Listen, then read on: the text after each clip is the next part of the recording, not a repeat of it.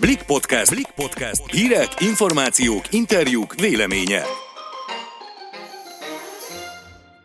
Sziasztok! Ez itt a Blik Podcastja november 2-án hétfőn. Én Szabadfi Mónika vagyok. Én pedig Sérlei Noémi. Mai adásunkban arról beszélgetünk, hogy milyen új szabályok léptek életbe a koronavírus miatt Magyarországon. Végül eláruljuk a Ringer Axel Springer kiadó nagy TikTok kutatásának eredményeit. Na hát az őszi adásaink során többször is szó volt arról, beszélgettünk arról, hogy reméljük nem emelkednek olyan ütemben a számok, hogy ismét kiárási korlátozásra vagy különböző szigorú szabályok meghozására legyen szükség. November elejére sajnos a számok már az egekben vannak. Kiárási korlátozás ugyan nincs, de a szigorítások megkezdődtek, elsősorban a maszkhordással kapcsolatban. Már eddig is sok helyen volt ugye kötelező a maszk viselése, mátor már a vendéglátóhelyeken és a szórakozó helyeken is kell a vendégeknek hordani.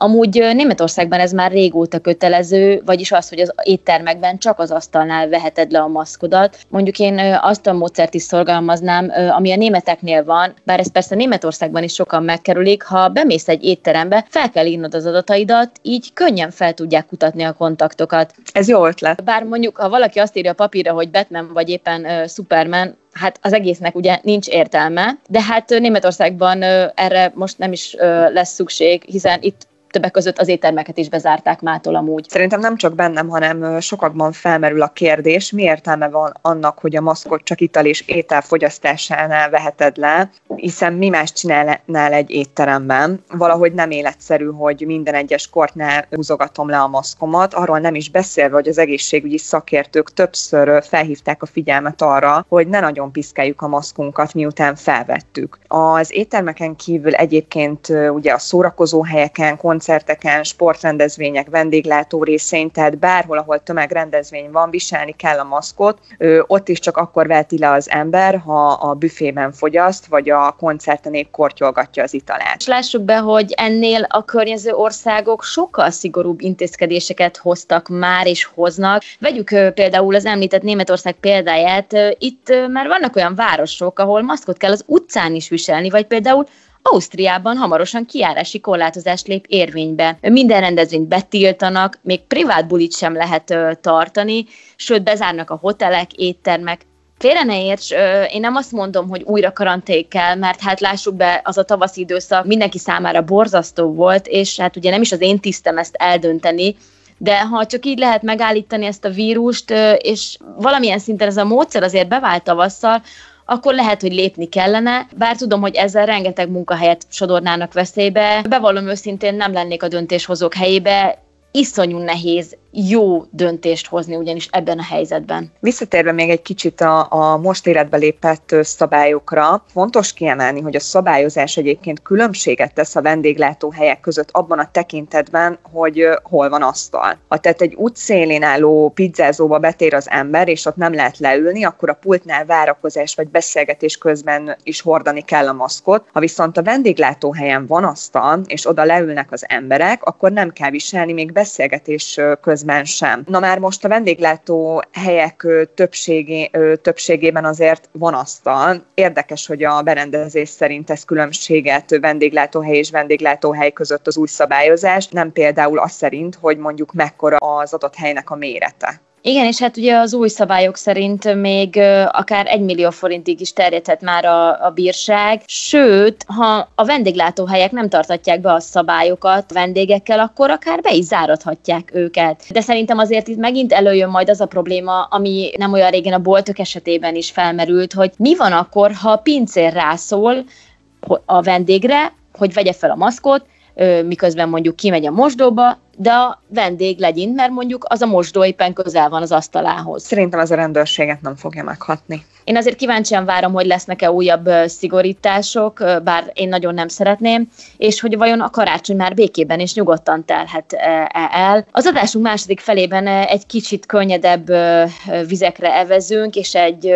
hát egy kellemesebb témát boncolgatunk. Szabó László, a Ringi Axel Springer kiadó Digital Media Campus programjának menedzsere mesélt nekem a nagy TikTok kutatás eredményeiről, Többek között azt is elárulta, mi jellemzi a magyar felhasználókat, mely tartalmak a legnépszerűbbek, és kik a magyarok kedvencei a TikTokon. Hányan vettek részt a felmérésben? Szia Móni, én is köszöntöm a Blik podcastjének hallgatóit. Ketté bontanám egy picit a választ, hány válaszadónk volt, illetve hogy kik készítették el a felmérést. Kezdem a rövidebbel. a Ringi Access Springer kiadónál a Digital Media Campus programon belül kezdeményeztük ennek az átfogó, a nagy magyar TikTok helyzetet bemutató kérdőíves kutatásnak a, az elindítását, és ebben partnereink is voltak, a Postforrent ügynökség, akik a legjelentősebb hazai TikTok sztárokat menedzselik, illetve Boroznaki Gergő, aki közösségi média szakértő, illetve a Budapesti Corvinus Egyetemen volt két kutató, Székely Levent és Bokor Tamás, akik az adatelemzésben segítettek nekünk. Miért is fontos ez?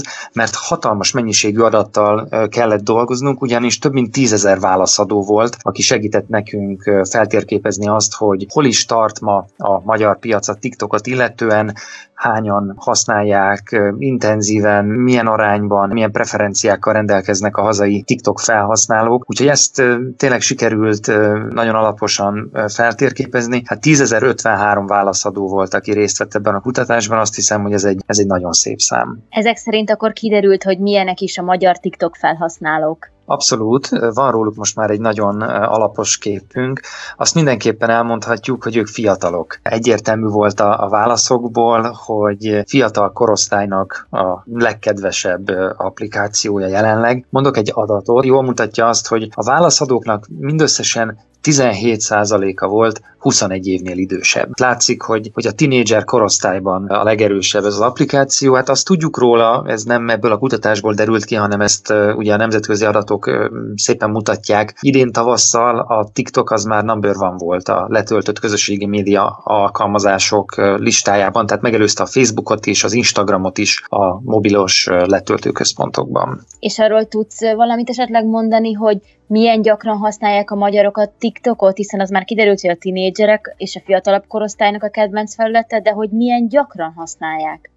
Nagyon gyakran. Úgy képzeld el, hogy azok, akik naponta használják a TikTokot, a válaszadóknak ez több mint 80 százaléka. Aki ezt elkezdi, az onnantól kezdve ezen a felületen ott marad, és naponta többször foglalkozik azzal, hogy milyen videókat töltöttek fel a TikTokon aktív felhasználók. Ennek a több mint 10 válaszadónak egészen pontosan 82 százaléka napi rendszerességgel TikTokozik. Ja, azt tudjuk a TikTokról, vagy aki esetleg még nem találkozott vele, hát annak talán érdemes tényleg csak egy mondatban elmondani, hogy ezen az applikáción nagyon rövid videók futnak, tehát egy perc alatt alattiak, a legjellemzőbbek az 15 másodperc hosszúak, és táncos videókkal vált ez nagyon-nagyon népszerűvé, meg zenés tartalmakkal. Ugye korábban Musicali néven futott a TikTok, és hát a válaszokból az derül ki, hogy a magyar fiatalok is leginkább a vicces videókat, a humoros, zenés, táncos tartalmakat szeretik legjobban, tehát magasan vezet a, a zenés, táncos videóknak a preferenciája, utána jönnek a vicces, humoros, a trend videók, és, és hát ezek után jóval le vannak maradva az olyan, olyan videók, amik mondjuk például a YouTube-on népszerűek. Hát kinek keresett volna már valamit úgy meg a, a YouTube-on, akár egy booter összerakás, vagy egy elektronikai cuccnak a használata, hogy, hogy beírta, hogy how to bármi, hogyan lehet valamit összeszerelni, összeépíteni, működésbe hozni. Na most ezek a how to videók itt jelenleg jóval le vannak maradva például a zenés, táncos, vagy a vicces, humoros videók mögött a, a TikTokon. Tehát volt egy olyan kérdésünk is, hogy mit kedvelnek a TikTokban a felhasználók leginkább, túlnyomó részt a kreativitás hívószavai kerültek elő, vicces videók, humor, tánc, zene, sokoldalú trendek. Tehát látszik, hogy ezek azok a tartalmak, amik a hazai fiatalok körében is a legnépszerűbbek. És gondolom az is kiderült akkor, hogy kik a magyarok nagy kedvencei. Ez egy nagyon érdekes dolog, mert a legtöbb említést azt nem egy magyar TikTokos kapta. A legtöbb említést azt Charlie D'Amelio kapta.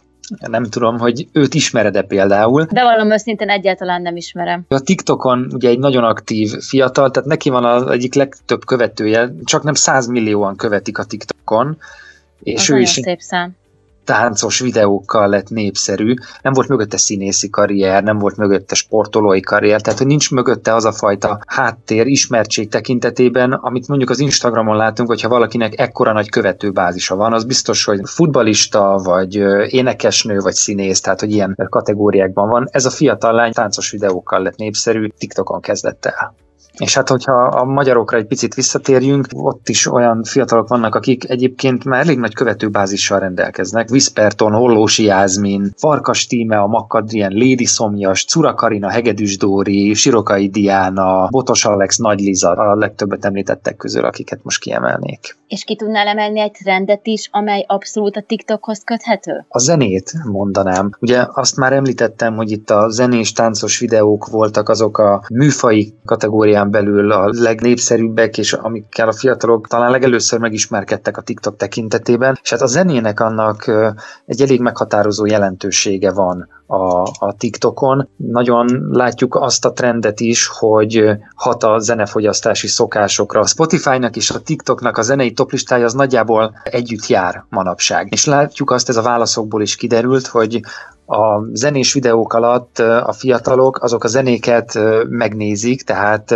nem csak az adott videó alatt, hanem utána erre rá is keresnek. Ha valakinek tetszik egy zene valamelyik videó alatt, akkor rá fog keresni arra a teljes számra is. Ez majdnem 80%-os eredménye jelent meg a, a kérdőívnek az eredményeiben, és hogyha azt is hozzátesszük, hogy aki nem, nem 100%-ban nem mindig keres rá, hanem csak úgy jellemzően inkább rákeres ezekre a zenékre, akkor meghaladjuk a 90%-ot. Tehát látszik, hogy a zene az egy nagyon meghatározó része a TikToknak. És hát vannak, akik már a TikTokon futnak be, vagy TikTokra kezdenek el zenét írni, hiszen ott olyan virális tartalmak jöhetnek létre, amik hatalmas népszerűséget tudnak egy-egy zenének biztosítani. Azt hiszem nem csak a magam, hanem mások nevében is mondhatom, hogy hát köszönjük, hogy elkészítettétek ezt a kutatást, hiszen rengeteg hasznos és érdekes információt tudtunk meg a mostanság nagy népszerűségnek örvendő TikTokról, és hát köszönöm szépen a beszélgetést is.